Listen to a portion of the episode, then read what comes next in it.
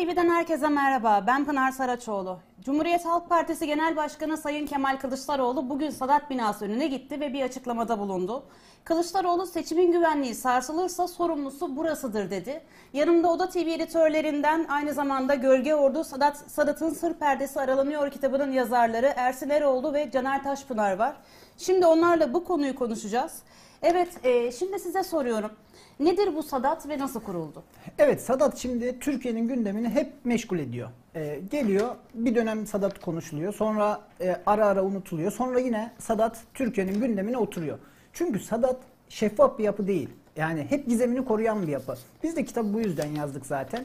Ee, Sadat yurt içi eğitim kamplarıyla tartışılıyor, yurt dışı eğitim kamplarıyla tartışılıyor, kaynaklarıyla tartışılıyor, kurucularıyla tartışılıyor. Faaliyet göster, kimler burada eğitim veriyor bunlarla tartışılıyor. Ee, bunun dışında hangi eğitimleri veriyorlar, kimlere veriyorlar bunlarla tartışılıyor. Fakat bu konuda ciddi bir gizem var. Yani burada sorular hala tam anlamıyla aydınlanabilmiş değil. Biz Gölge Ordu kitabıyla bunun üzerine gittik esas. Sadat nedir? Sadat e, bir şirket mi? Sadat ne zaman kuruldu? Şimdi şöyle Sadat e, aslında 2012 yılında kuruldu. 28 Şubat 2012 yılında. E, 28 Şubat olması da tesadüf değil. E, Sadat kurucuları 28 Şubat sürecinde 1997 yılında e, ordudan tasfiye edilen kişiler, tasfiye edilen askerler tarafından Sadat kuruluyor. Özel savaş şirketi bu. Sadat ve aynı zamanda sadece e, oradan e, çeşitli nedenlerle tasfiye ediliyorlar. Bu kurucuların arasında, eğitmenlerin arasında biz kitabımızda ortaya koyduk. 9 tane 28 Şubat sürecinde Fethullah Gülen tarikatına üye olma sebebiyle TSK içerisinden e, tasfiye edilen askerler var. Sadat'ın kurucuları ve eğitmenleri içerisinde. E, Sadat'ın fakat e, kuruluşunu 2012'den önceye götürmek lazım sanırım. Çünkü e, 2000 yılında ASDER kuruluyor. E, Adalet Savunanlar Derneği. Bunlar yargı kararları yaşa yaş kararları yargıya açılsın diye esas bu derneği kuruyorlar. E, sonrasında bu ekip geliyor 2011 yılında ASSAM diye bir e, düşünce kuruluşu kuruyor. Adaleti Savunanlar e, Strateji Merkezi. E, bu düşünce kuruluşundan bir yıl sonra da Sadat kuruluyor. Tabi bunlar e, o tasfiye edilenler e, 28 Şubat'ın sürecini geçirip oradan tasfiye edilenler o 2000'de kurulan dernekle birlikte bir mücadele veriyorlar. O yaş kararları açılsın bize haklarımızı geri verin falan. 2010-2011 yılında bunlara tüm hakları, rütbeleri e, verildi. E, yine e, bunlara hakları verildikten sonra e, bu 28 Şubat sürecinde FETÖ'den ihraç edilenlere hakları tam anlamıyla verildi diyebiliriz. Özetle, özetle Sadat'ın Sadat'ın kuruluşunu, Sadat'ın ideolojik yapısını böyle özetleyebiliriz. Tabii bu Assam çerçevesi içerisinde de bunlar e, kongreler yapıyorlar. Yani bir ideolojik yapıları var. Yani sadece bir savaş şirketi ya da yurt dışına gidip e, orada eğitim veren ya da yurt içinde biz kitapta ipuçlarıyla yazdık işte eğitim kampları tartışılan bir şeyden ziyade e, bir ideolojik altyapısı da var bunun. E, nedir bu ideolojik altyapı?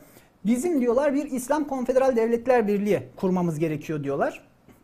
İşte başkenti İstanbul olacak, dili Arapça olacak, hukuku şeriat olacak. Yani Türkiye'de e, bir para birimi olacak bu diyorlar, asri kadiran olacak. Yani Türkiye'de e, tamamen anayasaya aykırı faaliyetler, kongreler düzenleyen, düşünce kuruluşu olan, savaş şirketi olan, bir derneği olan 28 Şubat sürecinde TSK'dan tasfiye edilenlerin oluşturduğu bir grup. Tabii Kemal Kılıçdaroğlu da bu gizemli yapıyı e, gündeme geliyor. İşte çünkü ne yaptıkları belli değil. Önümüzde bir yıl sonra bir seçimler var. Seçimlerde neler olacak? E, bu hep tartışma konusu. Sandık güvenliği Türkiye'de hep tartışma konusu. Sadat'ın e, burada bir dahili olacak mı? E, ara ara Kemal Kılıçdaroğlu çeşitli yerlere gidip açıklamalar yapıyordu. Bugün de dün Canan Kaftancıoğlu'na ceza verilmesiyle birlikte İstanbul'a geldi. İstanbul'da bir konuşma yaptı. Bugün de basın mensuplarına bile haber vermeden e, MYK üyeleriyle toplantıdan kararı alıyorlar çıkıyorlar ve Sadat'ın önünde bir açıklama yapıyorlar. Tamam burada bir araya girmek isterim. E, Kemal Kılıçdaroğlu'nun bu açıklamasını nasıl değerlendiriyorsunuz? E, Sayın Kılıçdaroğlu'nun e, bugün yapmış olduğu bu hamle e, Türkiye yakın tarihinde çok önemli bir dönüm noktası. Çok kritik bir gün. E, bugün e, tabii ki şu anda e, bir seçim e, atmosferinde Türkiye. E, bu atmosferde tabii ki tartışılacak ama uzun yıllar sonra da konuşulacak çok önemli bir e, hamledir. E, Sayın Kılıçdaroğlu aslında Sadat'ı gündeme getireceğinin işaretini yaklaşık 4 ay öncesinde vermişti. 4 ay önce bir video yayınlamıştı. Bu videoda aktörleri açıklamıştı Kılıçdaroğlu ve masasında Gölge Ordu kitabı bulunuyordu. Aslında orada e, bir anlamda bu, bu yapıyı e, bizim kitabımızın çıktığı dönemde ve bu yapıyı incelediğinin, araştırdığının e, işaretini orada vermişti. O kitabı orada e, göstererek. E, şimdi bugün ise çok önemli bir şey yaparak e, Türkiye'nin tartıştığı paramiliter bir yapı olarak konuştuğu bir Sadat şirketi e, söz konusu ve bu şirketin merkezi Beylikdüzü'nde e, CHP'nin yönetimi oraya giderek orada kapılarını açmalarını ve sorulara yanıt vermelerini istiyor. Tabii ki kapılar açılmadı. Sonrasında da Türkiye'ye bu Sadat'ın ne olduğunu anlatmaya çalıştı Kılıçdaroğlu. Çok önemli bir ayrıntısı e, seçimin e, seçimle ilgiliydi. Seçimle ilgili seçimi gölgeleyecek, seçimin güvenliğini sarsacak herhangi bir şey olursa sorumlusu burasıdır dedi. Bu işareti verdi. Bir tanesi de bunların e, finansal kaynaklarını işaret etti. Bunların finansal kaynakları nedir? Siyasi ilişkilerini ortaya koydu. Erdoğan'ın danışmanlığını yaptığını gündeme getirdi. E, bunların hepsi e, toplamda çok önemli şeyler. Bunlardan e, başlayacak olursak neden seçimi gölgeleyeceğini söylediğini çünkü herkesin merak ettiği nokta. Çünkü e, Türkiye bir 15 Temmuz süreci yaşadı. 15 Temmuz sürecinin ardında e, tabii ki bir FETÖ ile mücadele söz konusuydu. Ancak e, burada bir paramiliter yapı söz konusu muydu? FETÖ ile mücadele edilirken e, siyasi iktidarın çıkarlarına yönelik bir hamle yapılmış mıydı? E, Sadat'ın bir rolü var mıydı tartışması yapıldı. Bir anda bu var kamuoyunun önünde gelmiş olan. Burada harp okulu mülakatları var 15 Temmuz sürecinden sonra. Tabii 15 Temmuz'un ardından da Türk Silahlı Kuvvetleri'nin yapısının değiştirilmesi gerçeği var. E, bizim kitabımızla birlikte bu da tartışıldı. Harp okulu mülakatlarında Sadatçılarının bulunduğu, kitabımızda bunu açıkladık. Sadatçılarla görüştük. Sadatçılar bulunduğunu itiraf ettiler. E, ve burada ne sorular soruldu. E, bunları anlattık. E, Türk Silahlı Kuvvetleri'nin bugün geldiği noktada Adnan Tanrıverdi'nin öncesinden bu yana açıkladığı şeyler, Türk Silahlı Kuvvetleri'nin yapısı nasıl değiştirilmeli, e, neler yapılmalı, talepleri diye bir listesi var. Ve günün sonunda 15 Temmuz'dan sonra Adnan Tanrıverdi'nin e, Cumhurbaşkanı Erdoğan danışmanı olmasıyla birlikte e, yaptım, yapmış olduğu sonraki konuşmada ise bizim taleplerimizin hepsi gerçekleşti e, diyor. E, TSK'nın yaşadığı bu değişim.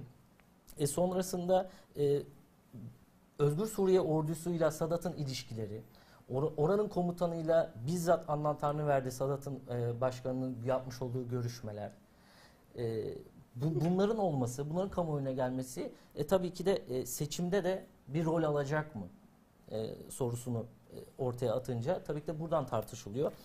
E, peki finansal kaynakları, finansal kaynaklarını neden söyledi? Finansal kaynaklarıyla da ilk, ilk defa biz bu kitabımızda açıkladık devlet desteği aldığına dair. Devlet desteği aldığının belgesi kitabımızda var.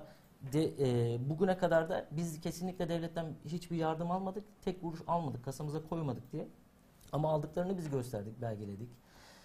E, bunun yanında 2013 kayıtlarını şirketin, Sadat'ın 2013 kayıtlarını ortaya koyduk ve bu kayıtlarda aylık gelirinin 1 milyon dolara yaklaştığını e, kendilerinin tespit ettiği, yaptığı hesaplamalarda gösteren belgeler var. E, Türkiye'de bir e, eğitim kampının olduğu, Türkiye'de eğitimler verdiği, Aslında burada araya girmek isterim. Sadat'ın e, eğitim kampları da gündeme geldi. E, eğitim kamplarının e, gerçek yüzü nedir? Ondan bahseder misiniz?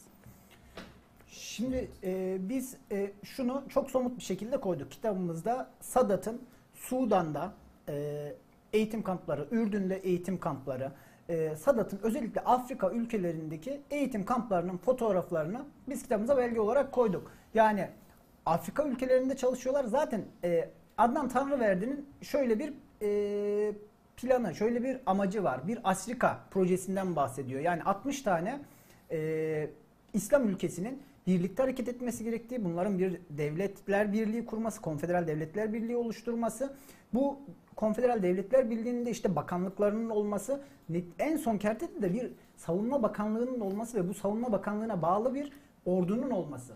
Bu 60 ülkede bunları yapmayı amaçlıyor Adnan Tanrıverdi ve İslam ülkelerinde ağırlık çalışıyorlar. Biz Libya'dan, e, Sudan'dan, Ürdün'den buraya dair eğitim kampları fotoğraflarını koyduk.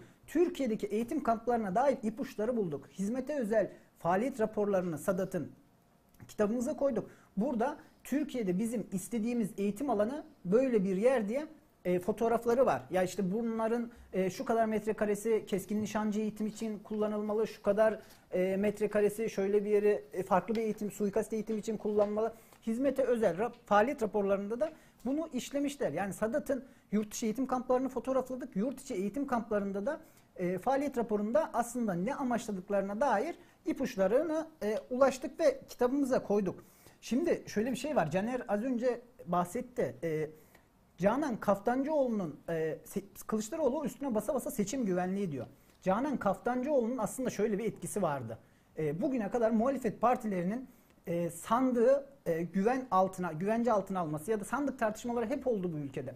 Fakat e, hep işte oyları çaldırdınız, şu oldu, bu oldu, e, tartışmaları da oldu. E, muhalefet seçmeninde de bir güvensizlik vardı. Fakat son İstanbul seçimlerinde, 2019 İstanbul seçimlerinde Canan Kaftancıoğlu'nun başında olduğu ekip e, çok iyi bir koordinasyonla e, oylara sahip çıktı. O gece hatırlayın işte Ekrem İmamoğlu çıktı saat saat açıklama yaptı. Binali Yıldırım e, teşekkürler İstanbul afişleriyle donattı ben kazandım. Fakat buna izin vermedi Canan Kaftancıoğlu. Çok iyi bir koordinasyonla e, İstanbul seçimlerinin güvenliğini sağladı. Şimdi Canan Kaftancıoğlu'nun siyasi yasaklı olup olmadığı konuşuluyor. Yani Kılıçdaroğlu'na bağlayacağım. Orada da Kılıçdaroğlu diyor kimse diyor seçimleri sabote etmeye kalkmasın diyor. Yani böyle bir şey görüyor demek ki Kılıçdaroğlu. Yine farklı bir şey. Burada ben araya gireyim istersen Ersin. Şimdi ben de oraya çok önemsedim. Seçim e, diye altını çizmesinin bence nedenlerinden bir tanesi de şu. E, şunları saydı. Dedi ki teş, tetiş, e, yani terör, e, gayri nizami harp bunlar var dedi eğitimlerinde dedi. Bu örgütün yani bu e, şirketin, Sadat'ın. Ama aslında çok önemli bir eğitim alanı daha var. Yapmış olduğu eğitim psikolojik harp danışmanlığı yapan bir isim var. Ee, Nevzat Tarhan. Şu anda bu yapının içinde olmadığını söylüyor. Sadat'la ilişkisinin olmadığını söylüyor ama Sadat'ın hali hazırda içinde psikolojik harp eğitimleri veriliyor.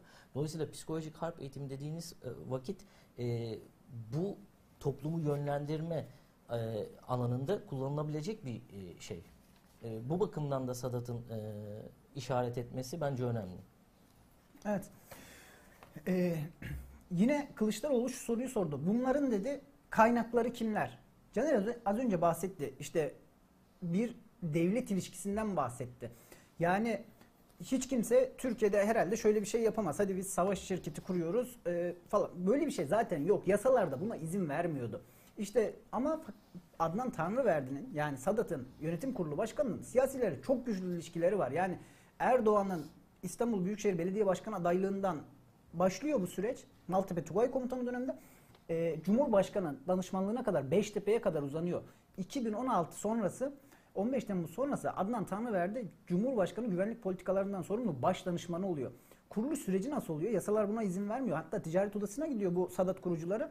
E, Oradaki kadın diyor böyle bir şirket kuramazsınız. Yasalar buna izin vermiyor. İşte İstanbul'dan dosya e, Ankara'ya gidiyor, Ticaret Bakanlığı'na gidiyor, Savunma Bakanlığı'na gidiyor, Genelkurmay Başkanlığı'na gidiyor.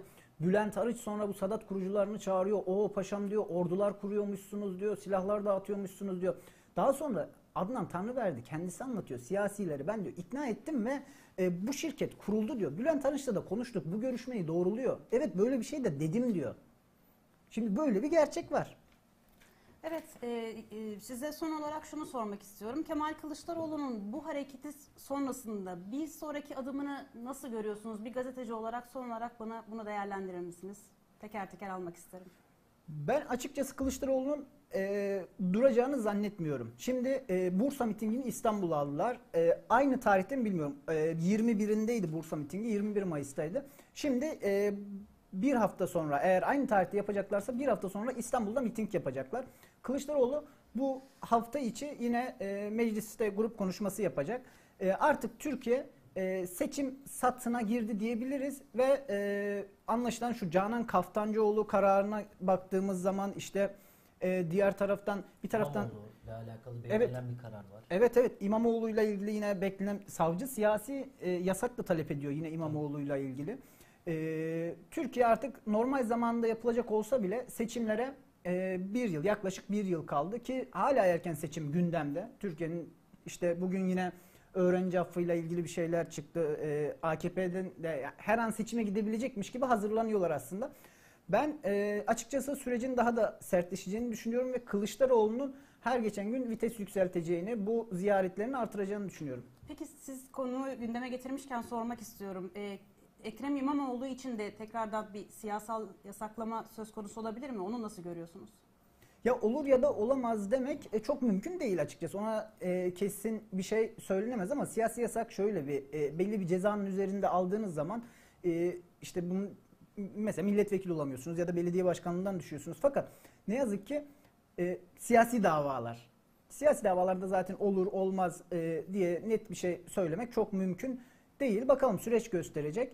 E, fakat Canan Kaftancıoğlu'nun e, 4 yıl 11 aylık cezası da onandı. Evet o karar da aslında bize bunun işaretini veriyor. Yani İmamoğlu hakkında da böyle bir karar verilebilir mi? Verilebilir. Ee, zaten şimdi burada Kılıçdaroğlu'nun bu hamlesi ve sonrasında yapacaklarıyla ilgili de e, şunu söyleyelim. Yani burada e, Kılıçdaroğlu bizzat bu hukuksuzluğun merkezi olarak görülen ve kamuoyunda böyle konuşulan bir şirkete giderek burayı aslında bir anlamda deşifre etmiş oluyor. Burayı tartışmaya açmış oluyor ve bunun devamında da şunu göreceğiz. Sadatçılar bunları 2012'de başlamış bir şirket. Erdoğan'la ilişkileri olmuş. e, bizzat Türk Silahlı Kuvvetlerine e, harp okulları mülakatlarıyla değin, dokunmuş. Değişiklik talepleri birebir gerçekleşmiş. E, siyasetin içinde bulunmuş. Afrin toplantılarında bu ülkenin yapmış olduğu operasyonlarda e, MİT Müsteşarı Hakan Fidan'ın yanında bu oturmuş ve bu toplantılarda e, söz söylemiş bir kişinin e, bugün hali hazırda herhangi bir şey yok mu? Yani bütün Erdoğan'la yakınlığını e, ve danışmanlık görevini bıraktı bir kenara mı çekildi? Tabii ki de hayır. Biz bu kitabı, kitabımızda bunu da anlattık. Bugün hala hazırda e, AKP'nin gençlik kolları olarak görülen e, TÜGVA faaliyetlerinde Sadat'ın yöneticileri çıkarak orada e, konuşmalar yapıyorlar. Öğrencilere yönelik, gençlere yönelik, üniversite gençliğine yönelik, AKP gençliğine yönelik yapılan e, oturumlarda, toplantılarda konuşmacı oluyorlar. Yani aslına bakarsanız e, işi sadece e, Türk Silahlı Kuvvetleri ve askeri açıdan değerlendirmenin yanı sıra siyasi açıdan ve günümüze e, sirayet eden noktada da bu var.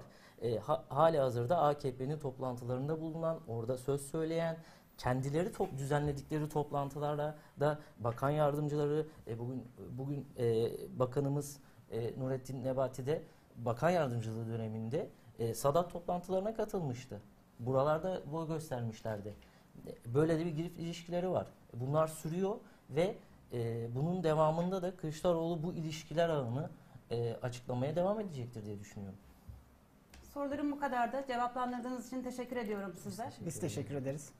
Ee, Gölge Ordu kitabının yazarları aynı zamanda Oda TV şef editörü Caner Taşpınar ve Oda TV editörü Ersin Eroğlu konuğumuzdu. Yayınımız burada sona eriyor. İzlediğiniz için teşekkür ediyoruz.